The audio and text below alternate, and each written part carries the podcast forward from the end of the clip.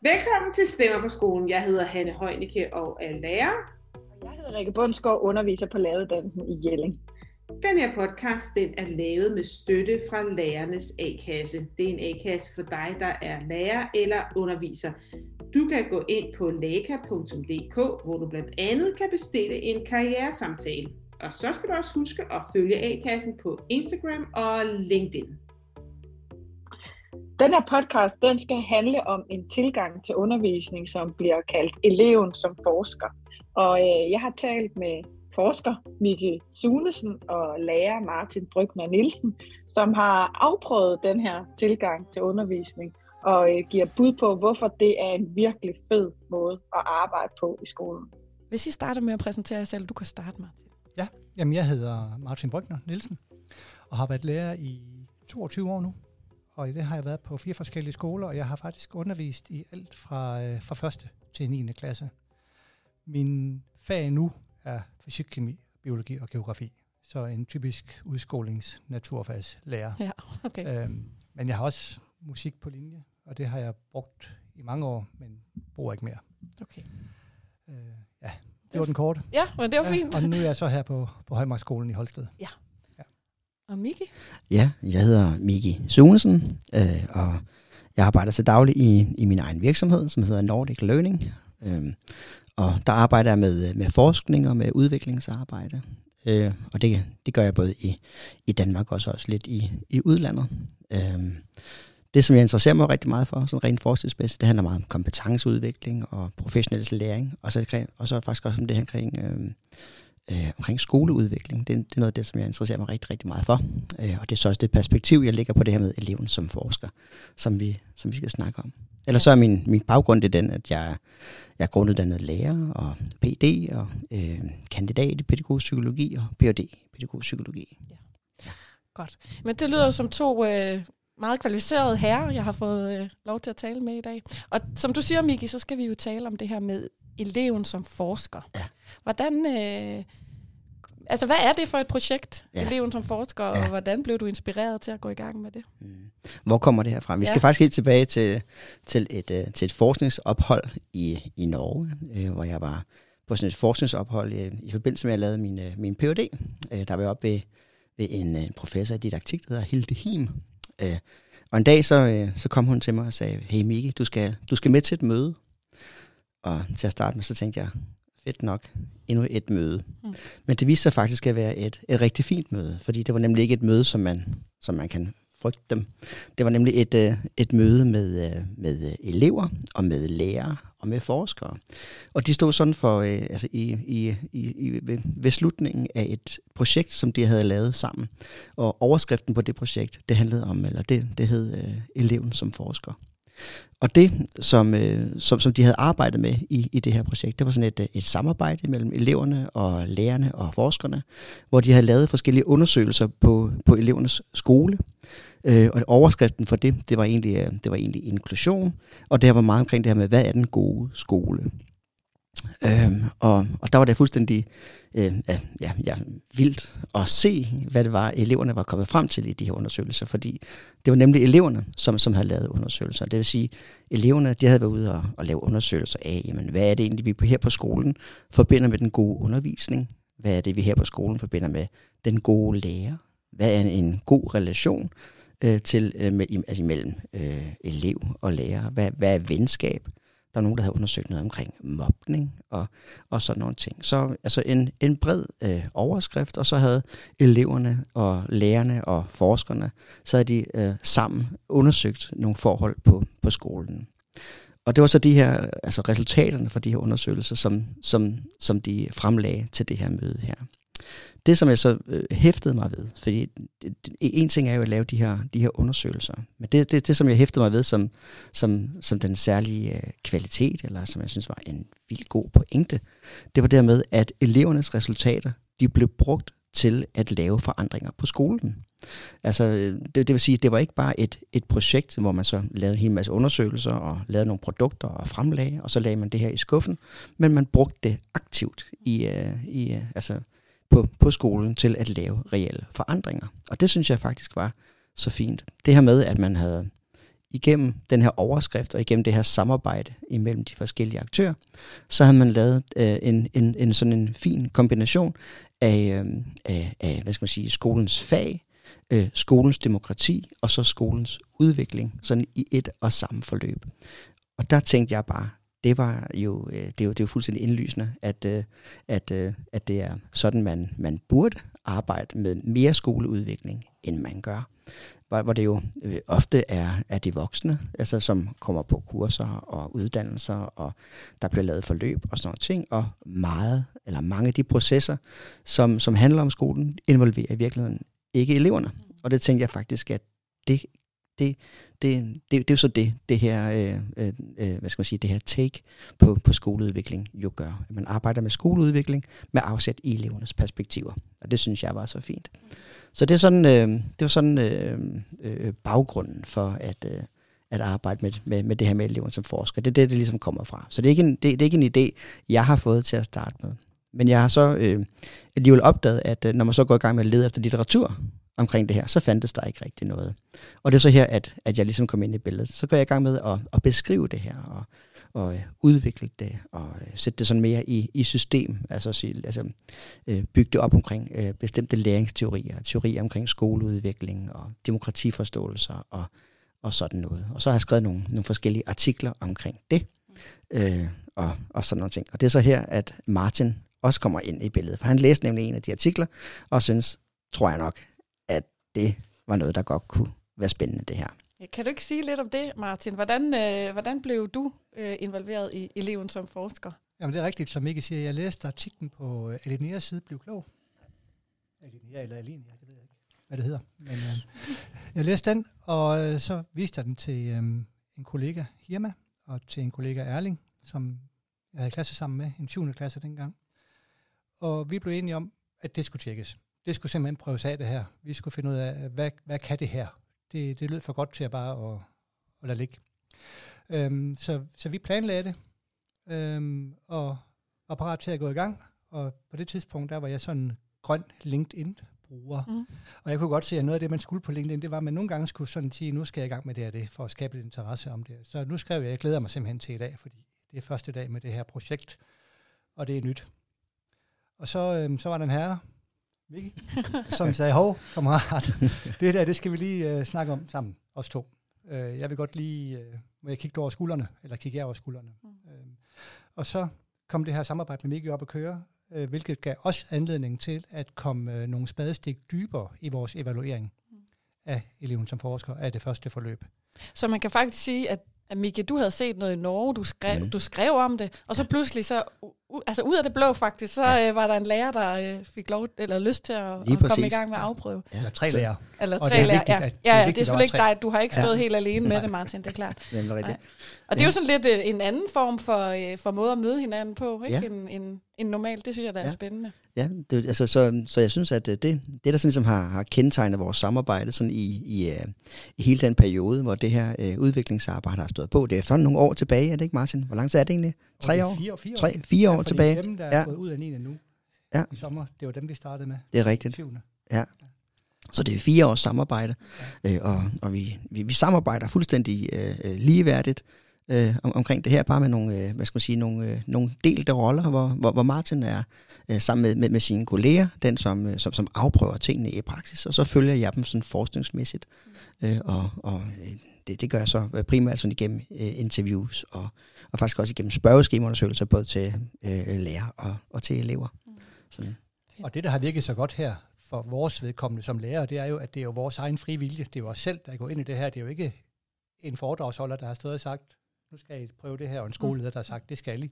Nej. Øhm, det er undergrundsarbejde, ja. ikke? Øhm, som Fedt. har udviklet sig Fedt. sammen. Ikke? Ja. Øh, og det at være med i udviklingsprocessen og prøve ting af og snakke om, hvordan det virker, og hvordan noget andet virker, det har været så inspirerende. Øhm, og Hirma, som, som er på skolen endnu, har heldigvis været inde over nogle gange også i de her forløb. Mm. Øh, og vi, vi to, vi er meget samme type sammen med Mark, som også har været med nogle gange. Ja. Øhm, og har lyst til det her med at prøve at være nysgerrig på, hvordan reagerer eleverne på forskellige metoder at undervise på. Ja. Og alle de her resultater, dem taler vi om uh, lidt senere. Først så vil, kunne jeg godt tænke mig at vende tilbage til noget af det, du sagde uh, før, Miki. Det her med, at det her det er en bestemt uh, tilgang til skoleudvikling, mm. til didaktik og til, hvordan man ser på eleverne. Ja. Kan I prøve at sige lidt om, hvad er det, der er særligt ved den her måde at, ja. at tænke didaktik Skal jeg prøve at sige lidt om det? Du, du lægger for, selvfølgelig. Jeg lægger. Perfekt, Martin. Det gør vi sådan. Jamen, øh, jeg, jeg, kan, jeg kan sige nogle, øh, nogle øh, øh, no, nogle ting, som, som, som kendetegner den her måde at, øh, at arbejde på. For det første så vil jeg sige, jamen, øh, øh, det er en, en elevaktiv og, invol, og en elevinvolverende skole. Altså det, det er en, en, en demokratisk skole, øh, hvor, man, hvor, man, hvor man arbejder med det her på. Altså, så så det, er jo, det, er jo, det er jo et forsøg på at, at, at lave en skole, hvor, hvor det der med demokrati, det ikke bare er noget, som man undervises i, men det er også en, en, en livsform, som man er deltager i og bidrager til øh, i, i hverdagen. Det er sådan det, det første, jeg vil, jeg vil sige. Ja, så kan man sige, at det, det jo langt hen ad vejen er en, en, en, en projektbaseret arbejdsform, som man, som man kender fra alle mulige andre arbejdsformer, altså som, som er projektbaseret. Hvor det er en, en, en tilgang til, til undervisning, hvor, hvor eleverne bliver aktiveret på den måde, at de er undersøgende på noget, som er øh, hvad skal man sige, relevant og vedkommende i, i deres eget liv. De, de, de undersøger det, som man kan kalde for autentiske problemstillinger. Altså det er, det er noget, som på en eller anden måde er, er vedrørende, vedkommende. Det er noget, som er tæt på deres egen hverdag. Og så er det også det her med, jamen, at det er, det er jo en, en arbejdsform, som, som forsøger øh, øh, øh, at knytte, knytte bånd imellem, imellem undervisningen og skolens hverdagsliv. Altså det her med, at, øh, at, man, at, at, de, at de oplever, at de igennem det arbejde, som de laver i, i øh, undervisningstimerne, jamen så, øh, så trækker det også tråde ud i skolens måde at være skole på. Øh, og den, de, de, de, forbindelseslinjer, dem, øh, dem kan jeg faktisk meget godt lide. Så er det også det her med, at, øh, at det bygger på et, på et princip, eller måske i virkeligheden en form for, for ideal. Men der er sådan et begreb, som vi arbejder ud fra, som hedder funktionel tværfaglighed. Og det, det, det går egentlig ud på, at, øh, at, man, at, at det sådan set er problemstillingen, der, er, der, der driver, øh, hvad det er for nogle fag, at man vælger at gøre brug af i stedet for at man fra start af siger, nu skal vi lave et tværfagligt forløb, og det skal være mellem dansk og matematik. Så sætter det jo en, en begrænsning. Men, men, men idealet er her at faktisk, at man går lidt den anden vej, og man, det vil sige, at man, man reflekterer øh, sammen med eleverne og får dem til at stille spørgsmål, og man finder frem til et fokus og noget, som man gerne vil vide noget mere om. Og så, så knytter man sådan set fagene på derefter og siger, okay, det som vi gerne vil vide noget om, hvilke fag kan vi egentlig bruge til at undersøge det med. Så det, det, det, det er sådan et, øh, et, et, et ideal, altså et, øh, et, et princip. Og når jeg kalder det for, for, for et ideal, så er det fordi, at, at det ikke sikkert, det kan lade sig gøre i den, i den praktiske virkelighed, sådan i, i et et-til-et forhold i hvert fald. Men det bygger i hvert fald på, på de her tre kriterier for at få undervisning, hvor det første kriterie er, at jamen, jamen den her funktionelle tværfaglighed, det, det, det, det skal jo være fagligt relevant. Altså det skal, det skal være noget, som på en eller anden måde har resonans i, i fagene. Øh, det vil sige, at øh, det, hvis, hvis man gerne vil, vil, vil arbejde med aftydning eller sådan noget, jamen så, så kan det godt blive op ad bakke, for det kan være svært at finde noget om aftydning i, øh, øh, i, i, i, i fagene. Måske kan man godt. Ja, det kan jeg ikke lige gennemskue lige nu. Men så er der også det her med, at, at det jo også skal være meningsfuldt for eleverne.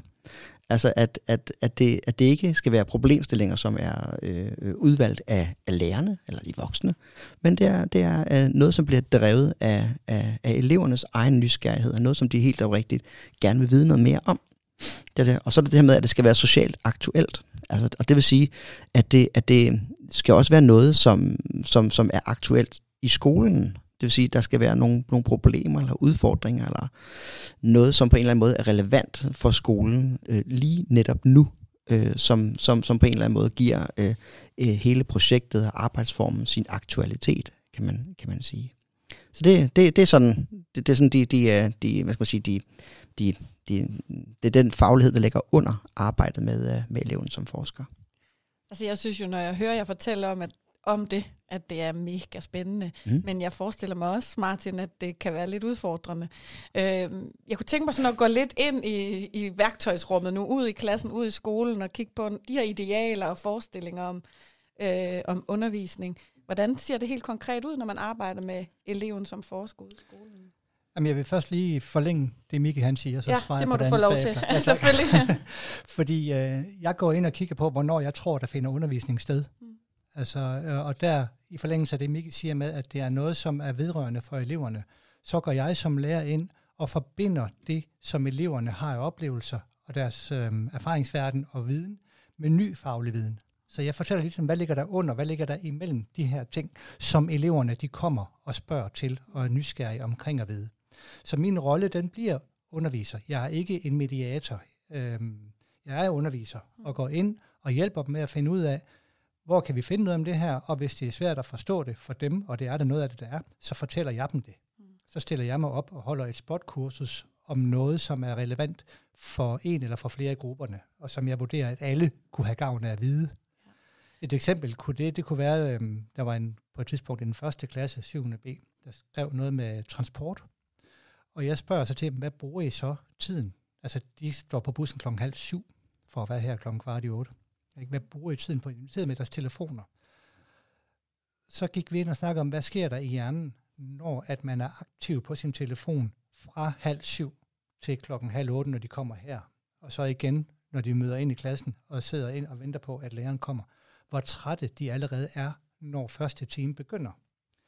Og, og det var det jo klar, men der går vi ind og snakker en masse om fysiologi. Og det er jo en del af det, vi skal snakke om i biologi, for eksempel. Ikke? Ja. Så, så læreren er ikke ligegyldig. Det er ikke sådan, at det pludselig bare handler om, øh, hvad eleverne lige kan finde på af, af spændende problemstillinger. Nej. Læreren har stadig en rolle, og måske i virkeligheden en mere udfordrende rolle i forhold til at finde ud af, hvordan kan mit stof øh, komme til at kvalificere det, der foregår. Øh. Ja, Ja. Finde ud af, hvad, hvor skal jeg kigge hen i min faglige verden, mm. for at kunne undervise børnene i noget, som er vigtigt for dem, og noget, som jeg også personligt synes er vigtigt, at alle burde vide noget om. Ja. Fordi det skal man jo heller ikke glemme. Vi har jo også stadigvæk som lærer noget, som vi synes er vigtigt, som vi derfor har ret til at formidle videre. Mm. Pligt, og det skal vi, ja, måske også pligt. ja. Øh, nu kan vi jo ikke snakke faste mål længere. Nej. Øh, så det er vi jo, det er vi jo ud over, ikke? Øh, og helt konkret, der er det på den måde, at man går ud i klassen, og så siger man, at vi skal lave det her. Vi har lavet et tema. Og i første omgang, der hed temaet skole. Senere har det heddet arbejdsmiljø og æstetik i skolen. Øh, jeg har også haft et tema, der hed trivsel. Og så vælger eleverne, de taler så sammen og kommer med en masse emneforslag, som ligger under temaet. Øhm, og når de så har valgt, eller kigget på nogle emner og snakket om det, jamen så bliver der så dannet nogle grupper ud fra, hvad kunne være interessant at undersøge. Øhm, og så laver de en problemformulering. Øhm, og nu ved jeg godt, nu er jeg jo naturfagslærer, der arbejder vi i problemstillinger. Men her er det en problemformulering, fordi vi er inde i redegøre, undersøge og diskutere. Mm, okay.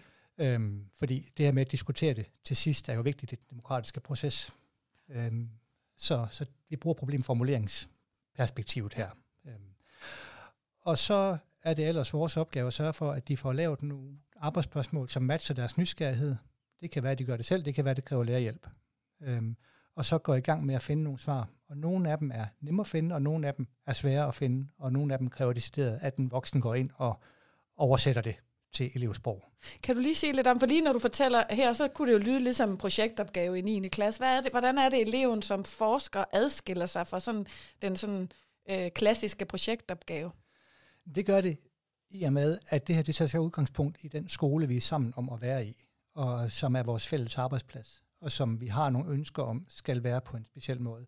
Så det her, det tegner sig ind i det med, hvordan stiller det mig i min skole? Hvordan kan jeg bidrage her? Hvordan kan skolen bidrage i forhold til mig og mine klassekammerater mm. og skolekammerater? Så, så det er vigtigt, at vi går ind i noget, som er vedrørende for dem, men som også de eleverne selv kan se, okay, jeg har en rolle her, øh, den kan jeg godt indse, at ja, hvis jeg gør sådan og sådan, er det måske bedre. Skolen har en rolle her. Hvis skolen gør sådan og sådan, bliver det måske bedre. Mm. Og så snakker man med skolen om det, og det er nærmest umuligt at gå derfra, uden at ændre lidt på sig selv, både som lærer og elev. Mm. Øhm, så man behøver ikke engang at diskutere med nogen, før der sker nogle forandringer. Mm. Øhm, men at gå ind og sige til skolelederen, øh, vi har fundet ud af sådan og sådan, eller bedre få skolelederen ud og overvære øh, fremlæggelserne. Mm og lade skolelederen blive nysgerrig på, okay, jeg kunne gøre sådan og sådan med min skole, og nogle ting for ganske få midler, øh, nogle ting helt gratis, ikke? nogle ting vil så koste noget mere. Men det er jo der, det tegner ind i det med, at det er anderledes i forhold til projektarbejde, som jo i er, er færdig afsluttet, når du har lavet din fremlæggelse og fået dit, øh, din bedømmelse. Så hele ideen er øh, faktisk, at eleverne via deres undersøgelser konkret kommer til at ændre noget ja. øh, på skolen. Ja. ja. Og det vigtige her, det er, og det er her, hvor, hvor forskerdelen også kommer ind, de er jo ikke kun deres egen andedam. de kigger ud fra. Det handler ikke kun om 7. B og hvad de synes. Det handler om, hvad de synes i første. Det handler om, hvad de synes i tredje. Det handler om, hvad de synes i 9. De skal have hele sfæren med inddraget i, fordi de kan jo ikke tage for givet, at deres synsninger omkring det her, at det er det, som resten af skolen synes. Så der er de simpelthen nødt til at gå ind og lave nogle undersøgelser og finde ud af, hvad synes skolen om det her. Og, og nogle gange kan man komme frem til, at det er os, der har set noget andet, end resten af skolen har. Andre gange bliver man bekræftet i, i det, man øh, selv har tænkt i forvejen. Du lytter til en podcast fra Stemmer for skolen, udgivet med støtte fra Lærernes A-kasse. En A-kasse for dig, der enten er lærer eller underviser. Læs mere på læka.dk eller følg dem på LinkedIn, Instagram eller Facebook. Kan du give nogle eksempler på øh, nogle problemstillinger, eleverne de har øh, undersøgt? Ja, der er mange. Ja. jeg nævnte det med transport før, ja. det vil jeg ikke gå så meget ind i igen. Så har der været en, der hed øhm, trivsel. Ja hvor man går ind i forskellige dele af trivselsmiljøet. Det kunne være sociale medier, det kunne være som klassekammerat, det kunne være trivsel på vores, i vores udområder. Altså, hvad bidrager de med, øh, og hvordan trives man der, og hvad synes, så går man ud og finder ud af, hvad synes resten af skolen om det.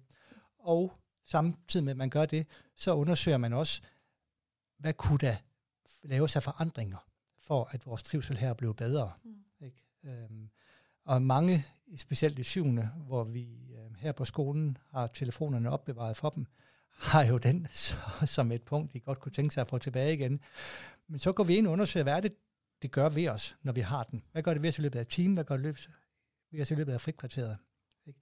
Og så kommer man til at stille eleverne nogle behagelige spørgsmål. Mm. De kommer til at opleve nogle, undersøge nogle ting, som hvis svar, de synes er ubehagelige svar. Okay. ikke? Men det hører med til dannelse, mm. at blive konfronteret med det ubehagelige. Øh, fordi det er jo der, at man virkelig begynder at tænke sig om. Ikke? Øhm. Kan du give eksempler på øh, noget, som eleverne har undersøgt, som har fået konkret, øh, altså som man konkret kan se på skolen i dag, eller opleve på skolen i dag? Ja, altså andre lige nu sidder vi og snakker i et podcast udstyr, ja. som burde være nede i vores kælder i et podcaststudie, som to elever har indrettet, ja. Som et resultat af eleven som forskerforløb. Ja. Øhm, så jeg har helt konkret fået et lokale simpelthen? Yes, ja. og det her udstyr her, ja. lagt ind i det. Og der er tænkt på lyd dernede, så akustikken er perfekt. Der er tænkt på, hvilke farver øh, man er, øh, er i, når man er dernede. Øh, og der er tænkt på, hvilke møbler man sidder i, når man sidder ned i. Ja. Ikke? Og det er sket ud fra faglige øh, undersøgelser omkring, hvad betyder farver for os? Hvad betyder lyd for os? Hvordan skaber man en god akustik? Øh, og som fysik-kemilærer går jeg jo ind og snakker om bølgelængder. Vi går ind og som biologilærer snakker om, hvordan farver påvirker vores sind. Øh, øh, og man går også ind lidt, ikke med ergoterapi eller det vil nok være overdrivet lidt, men man går ind og siger, hvordan skal vi så sidde hernede for, at det skaber en god stemning i forhold til det, man gerne vil lave i det her rum. Ikke? Og det bliver så til bløde sofaer, som også har en god akustisk effekt. Ja. Ikke? Så der er tænkt over det hele. Der er også tænkt over, hvilke gulvtæpper der skulle være. Mm. Øhm, så sådan et podcaststudie er et konkret øh, eksempel på noget. Så ligger der også inde på kontoret tegninger over, hvordan et rigtig dejligt og godt klasselokale kunne indrettes. Det har corona og økonomi, så lige øhm, gjort, at det bliver liggende i skuffen indtil videre. ja, okay. men, men der ligger både på møbelfronten, så når man går ud og skal have møbler næste gang, så tager man det frem. Når man skal have malet næste gang, så tager man det frem. Hvis man skal kigge på akustikken, så ligger der også en masse okay. forslag til, hvordan kan man gøre det til den pris eller til den pris. Mm. Øhm. Hvor meget betyder det, det her med, at eleverne konkret får, får mulighed for at se, at øh, det, de har undersøgt, har skabt forandringer på skolen? Hvad tænker du om det, Miki? Jamen, jamen jeg, altså, jeg tænker, at det er, at det, er det der er, er essensen af, af, det, det her, af den her måde at arbejde på. Og det, og det er det, der kommer til at, at adskille det fra andre øh, for at sige, projektarbejdsformer. Det er, det er præcis koblingen imellem det, at altså, altså, det, som man laver i undervisningen, og den hverdag, som man har på skolen. Altså det her med, at man, at man giver eleverne oplevelsen af, at de kan have indflydelse på forhold i deres eget liv, det er en, en overskrift, som, som jeg synes er mega vigtig at, øh, at trække frem, når det er, at man, at man, at man arbejder med, med eleven som forsker. Fordi det, det er jo præcis det, som, som, som, er, som er essensen. Altså det her med, at, det, at, man, at man bruger elevernes perspektiver, deres undersøgelser, øh, til at lave reelle forandringer på, på skolen, store som små. Altså det kan være jamen, altså, indretning af, af lokaler, men det kan, det kan jo også være øh, i, altså, øh, på, på, på, sådan mere, på, på, på større, større områder på, på skolen, altså på den måde, som man er sammen på, eller beslutninger omkring øh, regler på skolen og, og sådan noget. Ikke? Så, så ja, forholdet imellem det, som man laver i undervisningen, og de, foran, og de, de forhold, som, som, som omgiver en øh, i ens hverdag i skolen. Mm. Altså hvis man kan bygge bro imellem det, øh, så synes jeg, man har opnået noget, der er rigtig, rigtig vigtigt i arbejdet med eleven som forsker. Men jeg forestiller mig også, at det kræver noget. Ikke? Altså, vi ved jo alle sammen, det der med elevdemokrati, det er noget, vi har talt om længe i ja. skolen, og som rigtig mange voksne er enige om, det er helt vildt vigtigt, at eleverne har indflydelse på deres hverdag. Og det her er jo et konkret eksempel på det. Men, øh, men, men er det ikke også svært, og har I oplevet, Martin, at det ikke er lykkes? Øh, altså, det kræver vel noget af ledelsen, skolebestyrelsen, kollegaer, de der forandringer, dine elever foreslår, de faktisk bliver til noget. Vil du sige noget først, Mikkel? Eller skal jeg, jeg, jeg, jeg, synes bare, jeg har nogle gode svar på det. ja, ja men jeg, prøver, jeg prøver lige at ind også, fordi det er mega svært. Martin får lov at prøve, ja, siger man det, også det, er, det er mega svært. Altså, ja. det kræver, at man går ind til ledelsen og siger, at vi kører det her nu. Øh, vi, vi vil gerne have I med. Mm. Øh, ja. Men det er også et mindset. Øhm, det er både et mindset hos ledelsen, men det er faktisk også et mindset hos eleverne. At ture og byde ind på, hvordan vi kan indrette vores skole. Mm. Øh, og der er faktisk fra vores første undersøgelse elever, der svarede, det har vi faktisk ikke lyst til. Mm. Det øh, overlader vi lige til de voksne, det der. Ja.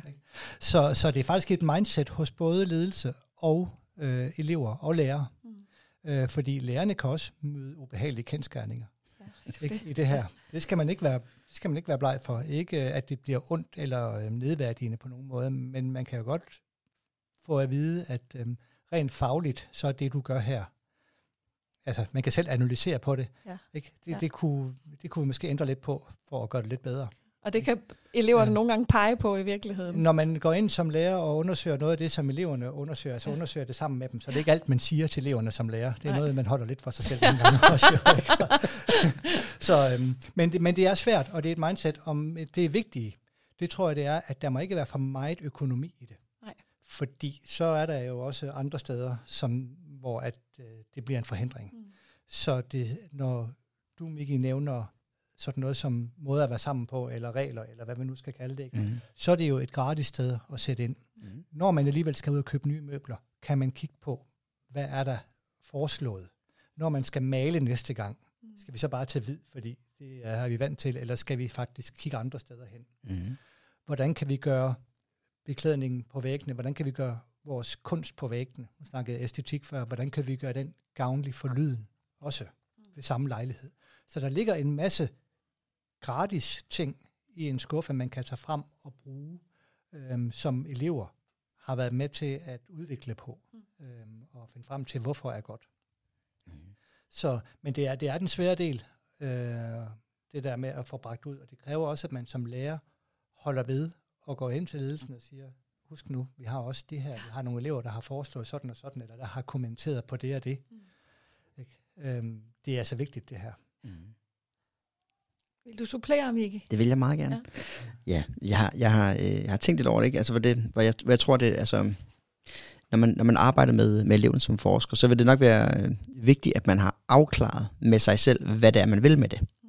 Altså, hvorfor er det nu lige, at vi arbejder med eleven som forsker? Fordi det, det netop fordi, at det, at det at det trækker tråde ud i skolens måde at være skole på, og det ikke bare er en projektarbejdsform som, som, arbejde, som, som andre projektarbejdsformer. Mm. Men det, det, det, det er noget, som har nogle implikationer for, øh, for skolens måde at være skole på. Så derfor så, så, så vil det også være relevant det her med, at man, at man har, at man har, mm, altså, at man har øh, øh, øh, givet udtryk for, hvad der reelt er til forhandling.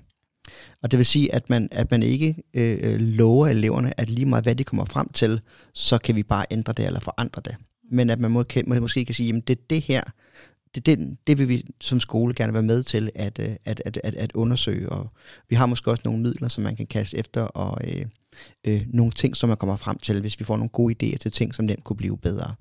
Men det er bare det der med, at man, at man taler om det på en realistisk måde, for ellers så, så vil eleverne blive mega skuffet, at de laver et stort arbejde, hvor de undersøger alt muligt, og så kommer de frem til ting, som de godt kunne tænke sig var anderledes, og så er det alligevel lederen, som trækker af på det hele og siger, det kan vi desværre ikke, ja. for vi har ikke nogen penge, eller sådan noget. Ja.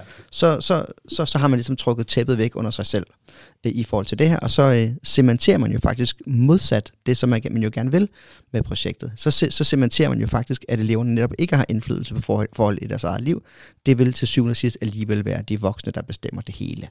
Så, så det er det der med at sige, at man som voksne på skolen også har gjort sig nogle tanker og overvejelser omkring, hvad er det, vi vil med det, og hvad er det, vi, vi stiller til forhandling. Og der kan det være sådan nogle ting, vi har, vi har faktisk nogle, nogle problemer og udfordringer på skolen, som vi godt kunne tænke os elevernes perspektiv på.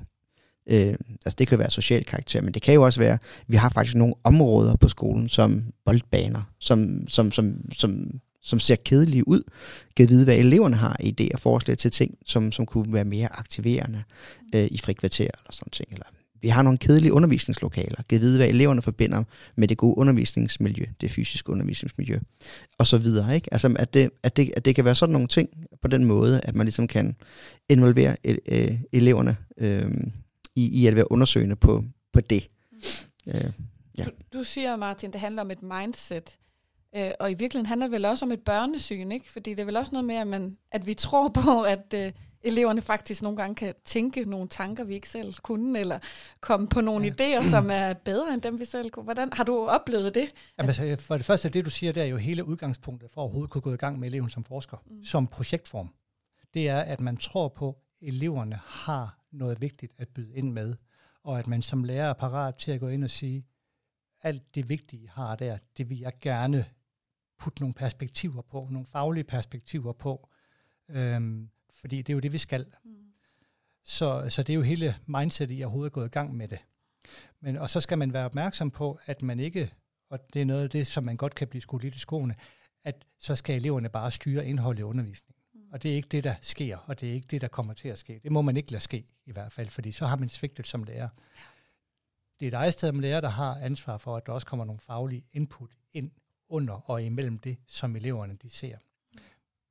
Øhm, og nu kan det godt være, at jeg ikke lige svarer på det spørgsmål, som Jamen, du stillede lige nu, men, men det viser sig, i hvert fald for mit vedkommende i de fag, som jeg har, at langt det meste af det, man som lærer tænker, man bør have med i de her år, 7, 8, 9 i sin fag, det kan man få med. Øh, man skal også bare være opmærksom på, at det ikke kun bliver instrumentelt. Mm. At det faktisk også bliver indholdsmæssigt, mm. at det kommer med. Og der er eleven som forsker, ligesom andre projekter, bare det er jo mega godt, netop fordi du får sat det faglige, som godt kan være instrumentelt, sammen med noget andet, så det skaber en helhed. Mm. Øh, og du kan skabe helhed inden for et fag, men du kan også skabe helhed fag imellem. Mm. Du kommer til at skabe helhed fag imellem. Øhm, men bare man ikke tror, at eleverne de kommer ind og styrer præcis, hvad der skal foregå, og lægger øhm, retningen fra 7. til 9. For det er, ikke, det er ikke det, der må ske, og det er ikke det, der skal ske. Øh, bare så at den misforståelse ikke ligger og, og flyder rundt derude.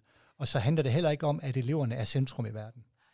Faktisk tværtimod, så handler det også om, at eleverne oplever, at de er i verden, øhm, men de er ikke centrum i verden. Det handler også om andre end dem. Mm. Ikke? Øhm, så det er bare, fordi man kan godt møde den der nogle gange, når man siger det.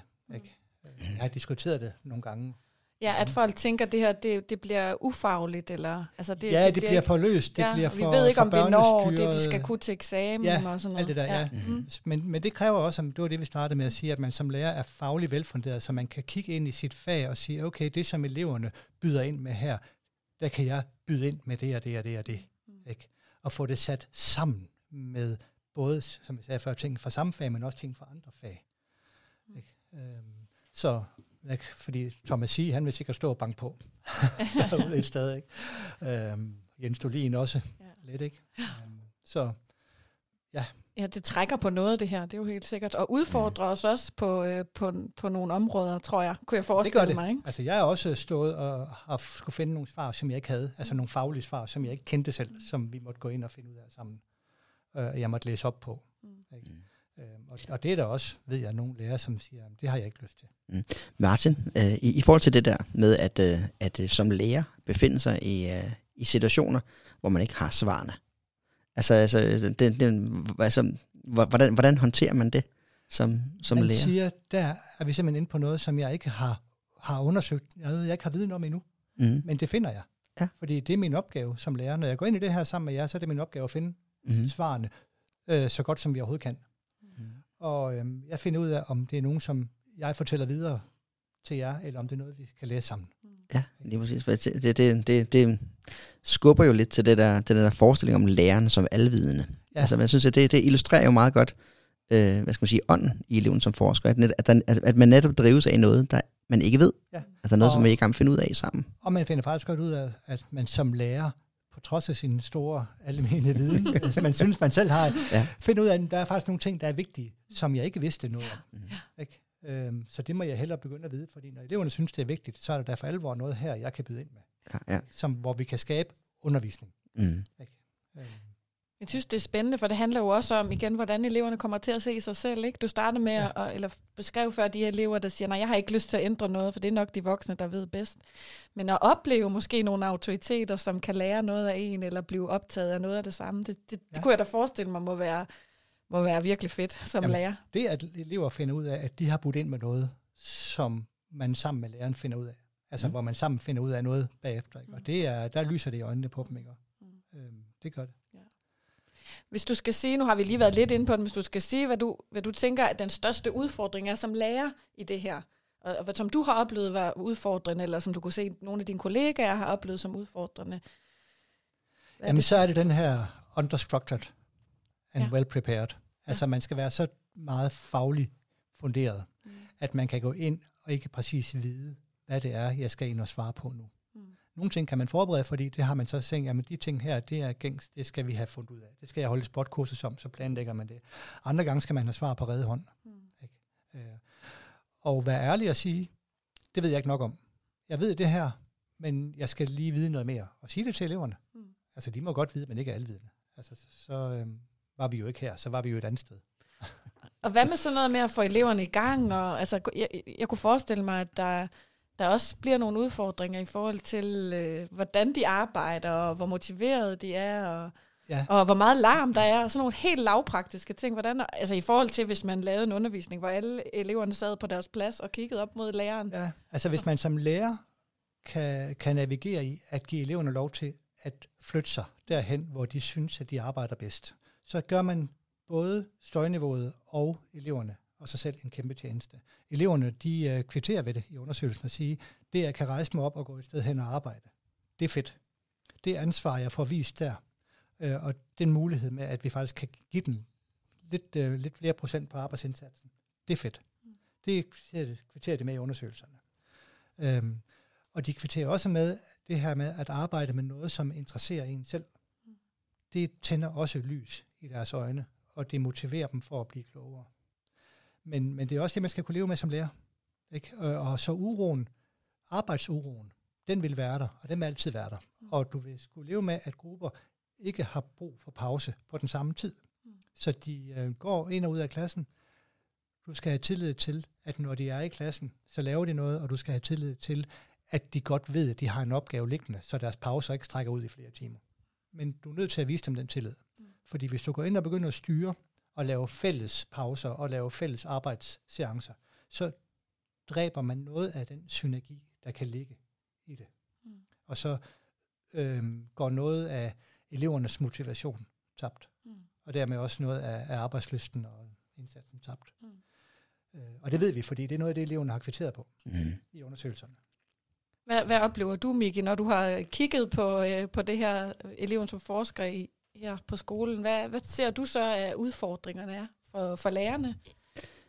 For, for lærerne? Ja, har du set øh, noget, hvor du tænker, her, her har de brug, her kunne lærere have brug for støtte, eller brug for noget mere viden om noget, eller når de skal arbejde på den her måde? Eller? Øh, altså, det, altså der, der, der popper nogle forskellige temaer op i de interviews, som, som vi har lavet, hvor, hvor, det, hvor det ene tema, det er det, som, som, som Martin taler om, det er det her med, jamen, at, øh, at, være, at være tryg nok i den uforudsigelighed, som der er i den her måde at være lærer på. Altså det her med, at man, at man netop ikke kan øh, forberede sig og sige, i dag skal vi gennemgå side 36, og så dukker man op i klassen og siger, I skal slå op på side 36, og så gennemgår man opgaverne fra A til F. Altså den, den, den, den forudsigelighed har man jo så ikke, og det skal man jo på en eller anden måde kunne trives i. Ikke? Og det, det er der jo nogen, som trives i, og så er der nogen, som slet ikke trives i det. Øh, så øh, ja, det, det, det, det, er sådan det, det er sådan det første tema at jeg kommer til at tænke på øh, som, øh, som, øh, som underviser. så noget, noget af det, øh, som, som, som egentlig også er i det, øh, som jeg også ser som et, øh, som et tema på, på lærersiden, det er egentlig også det her med, at, at øh, nu ser Martin godt nok, at jeg, jeg underviser, jeg er ikke moderator. Men, men jeg synes også, at der faktisk er nogle elementer af, at man faktisk skal være moderator. Øh, det kan for eksempel være, øh, når, når eleverne siger, jamen noget af det, der kan gøre, at deres gruppearbejde går, øh, går i vasken, det kan for eksempel være, øh, når det ikke fungerer socialt. Altså når der er konflikter i gruppen. Øh, og det er jo så ikke noget, man kan forberede sig på på den faglige side som underviser. Men der skal man netop gå ind og være moderator. Der skal man måske gå ind og kunne facilitere en, en dialog øh, med, med, med eleverne. Og, og man skal kunne gøre det øh, så improviseret. Altså fordi man netop ikke kan forberede sig på det. Så, så det her med at, at kunne gå ind og, og arbejde med elevernes sociale læreprocesser, improviseret med rigtige konflikter, øh, det er jo også noget af det, som, som jeg ser som en, som, som, som, som en, altså noget, noget, noget, der godt kan være svært øh, at, at, at være i som, som underviser. Er det noget, du kan genkende, Martin? Jamen det er det. Øhm, man er selvfølgelig meget opmærksom på, hvordan grupperne bliver dannet, og ja. man er meget opmærksom på, om man selv danner dem som lærer, mm. øh, eller om man lader eleverne selv gøre det. Og det kommer ind på sit kendskab til klassen. Så det varierer. Mm. Og vi har også gjort det nogle gange, at der er nogle elever, vi ved ikke vil kunne bunde den frie arbejdsform, mm. som får nogle mere faste opgaver undervejs i det her, som gør, at de er med, og de er ligeværdige undersøgende, men under lidt fastere struktur, mm. fastere rammer. Dem, der lavede den her, det her podcast-studie, de valgte sig selv at ramme deres arbejde ind. Øhm, jeg ved ikke, om de har tænkt over det, men fordi det havde de tryghed i. Mm. Ikke at gå så bredt, men have en konkret opgave at gå ind i. Hvorimod andre har tryghed i og, og fantasi til at gå mere bredt og være lidt mere øhm, bare sådan, jamen vi finder ud af det her, mm. fordi det er godt for noget, ikke nødvendigvis lige konkret for det der. Mm. Så sådan, sådan kan man godt gå ind som lærer også og sige, jamen der er en lille smule forskel på, hvilke elever, der skal tage hvilke opgaver her i den her omgang. Mm. Øhm, og det er ja. rigtigt, og nu, da jeg sagde det før med moderator, så var det også i forhold til, til faglighed. Mm. Det der med, at jeg kan stille sig op og sige, jamen nu skal vi nok snakke sammen om, hvordan det her det er. Mm. Altså, man skal skulle være erkendt, at man har noget at byde ind med. Ja. Ikke? Mm. Øhm, men når vi er inde på konflikthåndtering, så er det jo noget helt andet. Ja. Det, er, det er jo en helt anden uh, sfære at arbejde i end, ja. uh, end undervisning. Ja. Så bortset fra, at konflikthåndtering også kan være undervisning. Ja, lige præcis. Altså, altså, det er jo... Men det er to forskellige opgaver ja. i det samme rum, ja. som kræver to forskellige værktøjer. Præcis. Jeg, jeg tænker, det er jo, det er jo en, en, en, en autentisk måde at arbejde med elevernes sociale kompetencer på. Ja. Altså igen, det her med, jamen, øh, at man ikke går ned i gymnastiksalen og træner øh, tænkte situationer, øh, eller, eller opgave, altså fælles problemløsning eller sådan ting, men at de faktisk skal løse de problemer, de har, ja. knyttet til en opgave, som de er sammen om. Ja. Og det skal man så hjælpe øh, øh, eleverne med at øh, navigere i. Og noget af det, som også er vigtigt fra starten af, er at sige, godt nok har de her elever, som vi har sat sammen, tænkt, at det samme emne inden for det her tema kunne være interessant men de kan jo godt have tusind forskellige tanker om det her emne inden for det her tema. Det behøver ikke at betyde, at det var det samme, de gerne vil undersøge. Mm. Og der skal man også ind fra starten af at sige, give eleverne et rum til at snakke om, når du har ønsket det her, hvad, hvad ser du så? Mm. Så de finder ud af, hvad ser hinanden i det her? Mm. Øhm, og kan melde med det samme, det her det bliver fint, eller kan melde med det samme, vi ser noget meget forskelligt, vi vil faktisk gerne splitte os i to. Mm. Øhm, fordi det der med at tro, at bare fordi de har sagt det der emne, så er de motiveret, og så kan vi forlange af dem, at så kører det bare fra nu af og til slut. Det er en fejl. Så det er faktisk meget vigtigt, at de, at de har en fælles forståelse af, at det, de gerne vil undersøge, og ja. det er det, der mm. driver værket ja. mere, end det er den bedste kammerat, man sidder sammen altså, med. Eller? Ikke at det her det har været aktuelt, men hvis øh, to har ønsket sig noget med transport til skolen og skal jo cykel til skole, ikke? Ja. det kan være, at den ene bor i, i, i Glejbjerg, det er 10 km væk, og det kan være, at den anden bor lige 200 meter ned ad gaden. Mm. Det er jo to meget forskellige måder at cykle til skole på. Mm. Ikke? To meget forskellige udfordringer og problemstillinger. Ja. Så kan man ikke sige, bare fordi de begge to har valgt det, at de så gerne vil undersøge det samme. Nej. Altså en kan undersøge skolevejen i byen, en kan undersøge cykelstien langs landevejen. Ja. Øh, du nævnte lige lidt om det før, Martin, det her med de her elever, som har brug for mere faste rammer. Og, og noget af det, som jo har været en kritik af projektarbejdsformen, det har været det her med, at de frie rammer øh, gør det meget svært for de elever, der i forvejen har nogle udfordringer, og at måske at projektarbejdsform i virkeligheden til gode ser øh, børn af, af, af bedre stillede forældre og akademiske forældre, og sådan noget, fordi de er vant til at arbejde på den her undersøgende måde, de er vant til at tale med deres forældre om verden og, øh, og sådan noget. Hvad, hvad oplever I med, med, med, med den udfordring i forhold til de her elever? Altså, det er ikke one size fits all. Altså, jeg sammenligner lidt med den her med at gøre børn skoleparate, i stedet for at prøve at gøre skolen børneparat. Ikke? Ja. Altså, det, man tror, at fordi vi gør det her, så skal alle kunne fedt ind i det, og hvis ikke de kan det, så er det fordi, der er noget galt med børnene. Ja, okay. Der er som udgangspunkt ikke noget galt med børnene. De er, som de er, og vi skal som skole tage dem ind, som de er, og give dem de bedste forudsætninger. Og er der 28 i en klasse, jamen så er det det, vi deler med. Og mm. det, det, må vi, det må vi bare håndtere, fordi det er vores opgave. Den er sagt ja til. Ja. Øhm, og så er det, som jeg sagde før, vi må gå ind og differentiere. Du kan jo godt differentiere en projektopgave, som denne her også er. Mm. Øhm, så du giver nogle forskellige udfordringer under nogle forskellige grader af enten selvbestemmelse eller frihed, eller hvad man nu skal kalde det. Øh, fordi nogen beder om, nogen beder nærmest om at få opgaver. Må jeg ikke bare læse den bog og svare på de her spørgsmål? Mm. Får de lov til det så? Bare øh, læse den bog? Ikke, ikke i det her projekt, men under andre projekter, som ja. jeg laver. Der, hvis jeg siger til nogen, jeg vil gerne have jeres nysgerrighed frem her. Og jeg ved godt, der er nogen, der simpelthen ikke kan være nysgerrige, fordi at de måske ved for lidt til at overhovedet kunne være nysgerrige om noget. Ikke? Og så vil sige, der er en gruppe her, I får det her. Og måske kan de vælge mellem en type opgaver, eller måske siger bare, jeg ved, at det her det er det bedste for jer. Mm. Og når man snakker med sine elever til daglig, og har en, en dialog med dem, forstået på den måde, at vi er opmærksom på, hvordan tingene spiller her, altså dialog med udvikling og sådan noget, jamen, så ved eleverne også godt, jamen det er fint. Det er, det er det bedste for mig. Det er den jeg, måde, jeg får mest ud af det. Fordi hvis jeg får frihed, så er jeg på boldbanen mm. to timer i stedet for at være inde i klassen og få noget fagligt ud af det. Ja. Det ved de med sig selv. Det er jo ikke, altså, eleverne kender sig selv. Ikke? Øh, men hvis vi ud, altså, stiller dem nogle opgaver, som de ikke kan klare, så beder vi dem om at gå. Det er jo ja. faktisk en fornuftig måde at komme omkring det på, så man ikke forstyrrer de andre. Mm. Altså det er en fornuftig reaktion. Mm.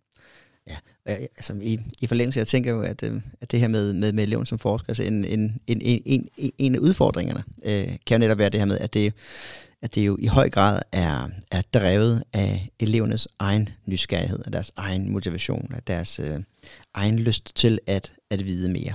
Øh, og, og der er jo nogle elever, som, som, som kan have svært ved at være i, i den arbejdsform. Og det er, jo, det er jo de elever, som i forvejen har svært ved at få idéer. Det er dem, der har svært ved at planlægge og organisere og arbejde fordybet øh, i, i længere tidsperioder og, og sådan noget. For dem at, er det altså en, en svær arbejdsform, og det skal man jo være opmærksom på som, øh, som, øh, som underviser. Der var, der var en lærer eller, eller en, øh, en elev, som, som svarede i, øh, i en spørgeskemaundersøgelse, vi lavede. Sådan, han, øh, så, så tror jeg, der var en, en dreng, det er også, i princippet også lige meget, men, men eleven svarede, altså det var, det var sgu da træls, den måde, man bare blev smidt ud i det på. og det synes jeg var sådan et, et fint sigende udsagn, altså fordi det, det, det repræsenterer virkelig den følelse, som, øh, som den her elev øh, oplevede have. Det her med, at man, at man altså oplevelsen af at blive smidt, smidt ud i noget, uden, uden at vide, hvad, hvad skal jeg dog her? Øh, og så, så, så, så var det jo en, en, en svær situation for, øh, for den her elev at, øh, at være i. Det en, en, en idé, vi så fik øh, faktisk under et, øh, et interview, hvor vi talte om det her, øh, det var faktisk, at, øh, at, øh, at, at hvis, man, hvis, man, hvis man har en idé om, hvad det er, man skal og, øh, og, øh, arbejde med, som en del af det her med, med eleven som forsker, så kan man måske også lave en analyse øh, af, af den undervisning, som man skal til at lave. Og så kan man have en form for forberedende Øh, øh, undervisningstime eller periode, øh, hvor, man, hvor man træner nogle af de ting, som eleverne skal bruge. Altså som, hvis, hvis man for eksempel ved, at nu skal man ud og lave en problemformulering, så, så kan man måske træne lidt om, hvad, hvad er en problemformulering. Det kan også være, at man, nu, nu skal vi ud og, og lave nogle forskellige undersøgelser. Jamen så kan man måske kigge på, hvad, hvad er et interview, øh, hvad, hvad, hvad er en observation, hvad er en spørgeskemaundersøgelse. Så kan man, så kan man træne øh, den slags ting, sådan så man egentlig, øh, sådan så at eleverne får kendskab til nogle af de faglige elementer, som de skal bruge på et senere tidspunkt. Men så har man ligesom noget at, at, at, at pege tilbage på, når det er, at man, at man sidder i de her situationer. Kan du huske, øh, for, for en uge siden, der arbejdede vi med det her. Det er, den, det, det, det, er det, vi skal bruge nu. Så, så på den måde, så, så kan man måske lave sådan en form for, for forberedelsesperiode til det her med elever som forsker, som en måde at, at øh, skabe en form for forforståelse for de elever, eller virkelig for alle elever, men, men måske især for de elever, som, for, for hvem det her det er en svær arbejdsform. Så det, det, det synes vi måske selv var en, kunne være en meget god idé. Ja. ja. Og jeg tror, det var den sidste, var det ikke det? Jo, øh, ja, jo lige præcis. Fordi der havde vi nemlig det, at en, øh, det var to klasser, de to 8. klasser, og den ene havde, mens de var i syvende, kørt et projekt, så de havde faktisk arbejdsmetoden ind under huden, og vidste godt, hvad de skulle. Det havde den anden klasse ikke. Og det kunne man godt mærke forskel på. Altså, de havde ikke simpelthen ikke lige trænet det før, de havde ikke øvet det før. Mm. Øhm, så derfor så er den der, som du siger med, at der er lige nogle, nogle basis ting omkring det her, mm. som man skal ind. Og det skal dansk lærerne alligevel, fordi de skal lave projektarbejde, når vi snakker problemformulering, jamen, så er det jo noget, som øh, vi vil have, at de skal kunne, øh, også når de skal lave projektopgaven i 9. Hvad er det ellers? Altså, hvordan, hvad er det for nogle metoder eller øh, ting, man skal kunne, som er anderledes i eleven som forsker end i projektarbejdsformen? Du siger noget med, at man skal kunne lave et interview, man skal...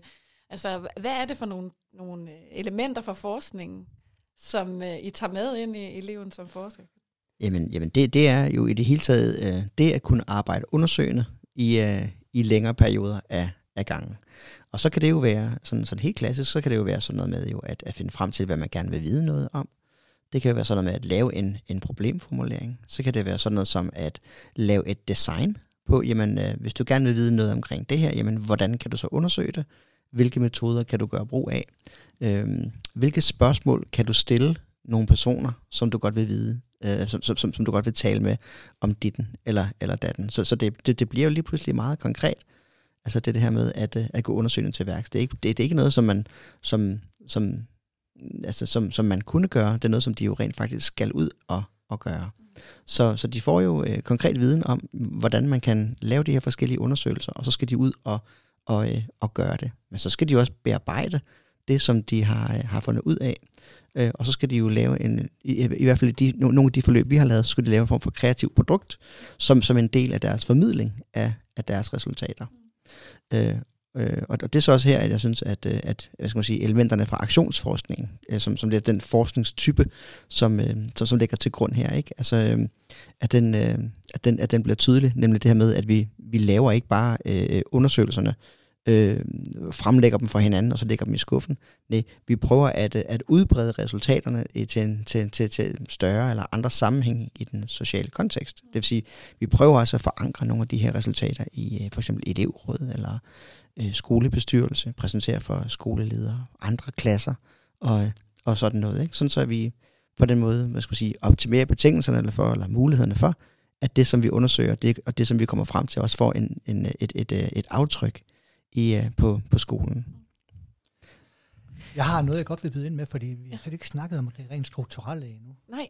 Uh, og jeg ved ikke, om det er det, du skulle til at spørge jo, jeg, til. det var det måske. Jeg ville ja. have spurgt til noget ja. med, hvad er det for nogle klassetrin, jeg afprøvet ja. det her på, og, og sådan noget. Altså, det må rent, du godt sige ja, afsluttende lidt altså, om. Øhm, rent strukturelt, så har vi gjort det her. Vi har haft en øhm, to-tre lærere i en klasse, og kørt det i en 7-8 ugers periode, en 7-8 timer om ugen.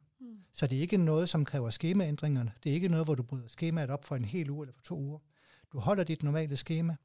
Du kan som dansk lærer sige, at jeg byder ind med, med tre timer her, så har jeg to timer til noget andet, jeg skal, eller to timer her, tre timer. Jeg kan som naturfagslærer sige, at jeg tager min biologi og fysik og putter ind i det her, og så holder jeg lige geografi mm. ledigt til noget andet. Matematiklæreren kan sige, at jeg vil godt være med en time om ugen til at analysere og lave øh, statistik og modellering over de her resultater, de har fået.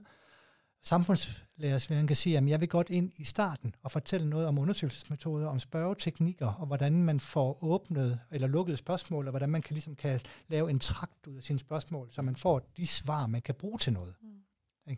Så på den måde, så kan forskellige lærere byde ind, enten hele tiden eller i noget af tiden, øhm, og man kan byde ind med nogle af sine timer. Mm. Øhm, og det tænker jeg, det er en kæmpe fordel. Du skal ud og lave skema omlægning. Ikke? Og eleverne ja. oplever også, at der er noget, som er, som det altid har været. Vi skal til idræt, vi har vores valgfag, vi har dansk, vi skal øve diktat, vi skal lave færdig, eller vi skal lave sådan nogle typer regning. Mm. Altså, vi holder fast i noget af det, vi kender og føler tryghed i. Ikke? Så øhm, det er en af de kæmpe fordele ved den her måde, vi har valgt at organisere det på. Og det har vi gjort helt fra starten af. Ja. Så har vi gjort det i 7., 8. og 9. klasse.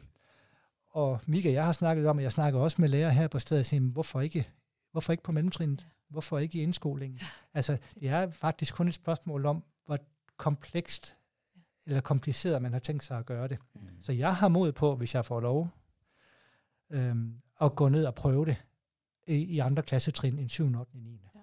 Noget af det, jeg møder som, som modstand i udskolingen, det er jo prøverne. Mm. Jamen, lær de nu det, de skal kunne, og hvad kan de risikere at blive spurgt i? Øhm, og og det, det er jo det forbehold, lærerne i udskolingen har, fordi der står jo også jeg vil ikke kalde det prestige, men, men de vil jo også gerne have, at eleverne klarer nogle gode prøver. Mm. Øh, og der kan man så snakke om, hvad det er, skolen er til for, men det skal vi ikke komme ind i her. øhm, men, men, men det er den modstand, man møder. Ja. Plus den her med, jamen jeg kan, ikke, jeg kan ikke leve som lærer. Jeg har det ikke godt med de her løsere forhold. Jeg vil gerne have lidt mere fast struktur. Ja.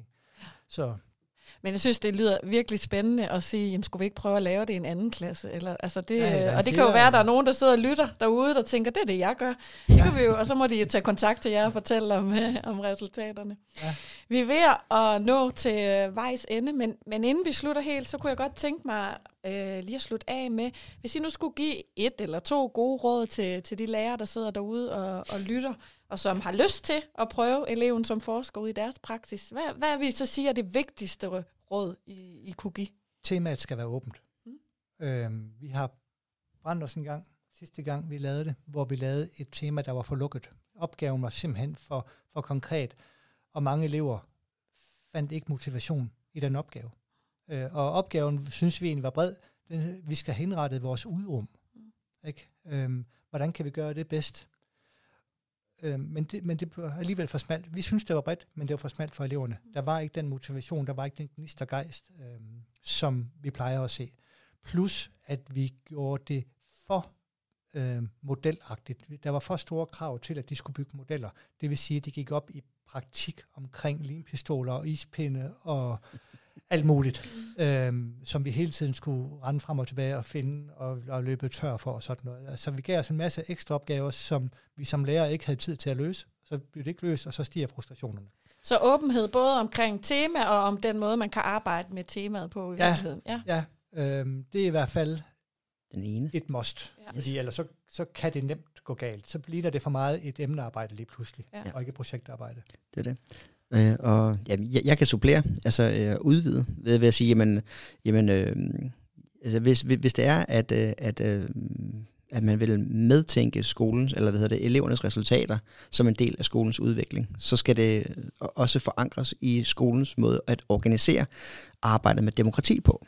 Det vil sige altså, at at, at man skal have ledere med, det man skal have øh, øh, skolebestyrelsen med, man skal have elevrådet med, altså man skal have øh, øh, lærerne og eleverne med på at sige, at det her det er simpelthen skolen, eller en del af skolens måde at arbejde med skolens demokrati på.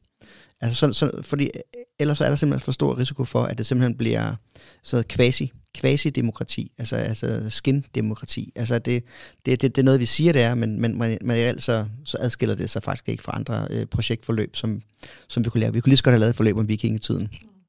Det bliver ikke, det bliver ikke anderledes øh, af det.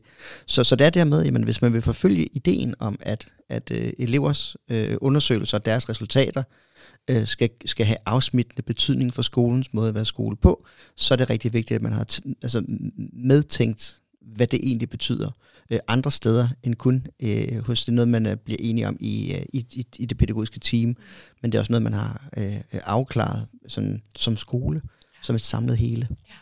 Så øh, have autentiske samarbejdspartnere udefra. Mm. Øh, vi har startet op og sluttet af med at have besøg af nogle af kommunens øh, pædagogiske konsulenter og trivselskonsulenter, som er med til at starte noget op og med til at komme og høre fremlæggelserne. Det var sådan corona, så det var på skærm, men, men de var med til det. Øhm, og det gør, at eleverne opper sig, når de skal lave fremlæggelserne. Det er det, hvis det bare er læreren, jamen så får fremlæggelsen et vist niveau, og ikke en sjældent højere. Hvis man så udvider øhm, kundekredsen med enten forældre eller ledere, eller nogen fra kommunen, eller nogle erhvervsvirksomheder med interesse i det her, jamen så opper man sig altid lidt mere. Samtidig så skal man også sørge for at have en aftale med de her mennesker om at sige, jamen, hvis du gerne vil være med nu, så skal du også sige, at du gerne vil være med til at følge op på det. Du skal sige, at du gerne vil med til at kontakte dem, for lige at høre det, du sagde der, hvad var det for noget? Fordi nu sidder vi og arbejder med det her, vi kunne godt bruge det, som I havde med i jeres fremlæggelse lige nu, eller vi kan godt bruge jeres undersøgelser til noget. Mm. Ikke? Fordi vi har haft elever fra den 7. klasse, som er kommet spurgt, de har aldrig vendt tilbage dem der. Øhm, jeg synes ikke, det var godt alligevel. Mm. Ikke? Ja. Så, så de voksne omkring dem udefra er nødt til at, øh, at være indstillet på at sige, vi skal følge op på det her ved at vise interesse for det, også om et halvt år, eller mm. når vi sidder med noget, hvor det her det kunne falde ind i. Præcis. Og jeg tænker, at det, det, det som Martin fortæller om her med, at man har pædagogiske konsulenter fra kommunen med. Ja. Ja. Altså, at, øh, at det jo også giver øh, forvaltningen nogle, øh, nogle muligheder. Altså, ja. hvis man forestiller sig, at man arbejder med det på flere skoler, altså, så vil man jo også have, øh, altså, kunne, kunne måske finde nogle mønstre på tværs af skoler, på den måde jo få, få indblik i, hvad der øh, rører sig øh, på, på tværs af skoler, og hvad, og hvad der øh, øh, lige på nuværende tidspunkt betyder noget øh, for eleverne, når man øh, spørger dem. Øh, på den måde så får de jo vigtigt indblik i noget, som måske i virkeligheden kan være svært at få indblik i på andre måder. Så, så på den måde så kan man jo også bruge det som, som, som ikke bare som øh, udvikling på den enkelte skole, men man kan jo også udvikle, eller man kan jo også udvikle øh, skolevæsenet i en kommune på, på den her måde. Eller, eller vi har den gave, ja. vi har to fødeskoler, Klarbjerg og Fævling, øh, og der kunne man jo også godt brede ud til dem mm. øh, og sige, jamen, vi laver lige en undersøgelse, ikke kun på Højmarksskolen, men også på Klejbjerg Skole og på Fævling Skole, mm. omkring det her øh, emne eller tema her. Ikke? Og så snakker vi lige sammen, vi lærere.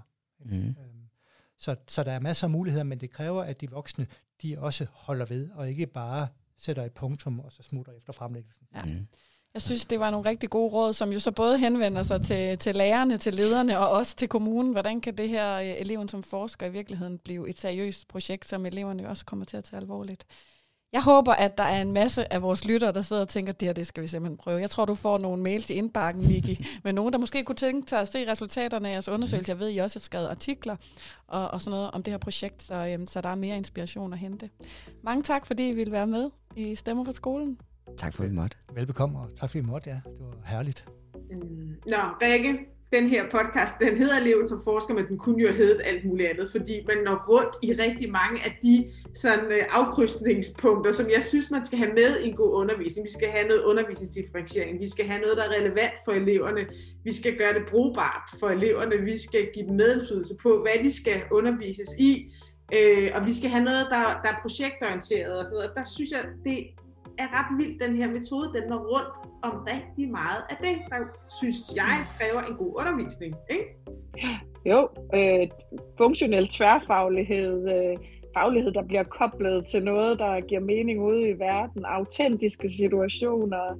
Jamen, vi kunne blive ved, ikke? Det er, det, jeg, er meget enig med dig i. Det, det var også meget inspirerende at sidde og lytte til de her to øh, ildsjæle, som de jo er, som virkelig har et øh, perspektiv på undervisning og fundet en tilgang, som, øh, som kan, kan få stor betydning for øh, skolen ja, og for stor betydning for de elever, der kommer til at, at ja. opleve det. Ikke? Altså, fordi det synes jeg mm. også er ret vildt, det der med, at de havde oplevet elever, der sagde, hvorfor skal jeg det her? Altså, det var bare endnu. Ja, jeg har slet ikke lyst. De havde ikke lyst til at bestemme noget som helst. Mm. Det var endnu et krav om latterlige ting, deres lærer sagde, de skulle gøre. Altså, det synes jeg bare er ret vildt. Det er jo siger ikke noget ondt ord om hverken de lærere eller skolen eller de her elever.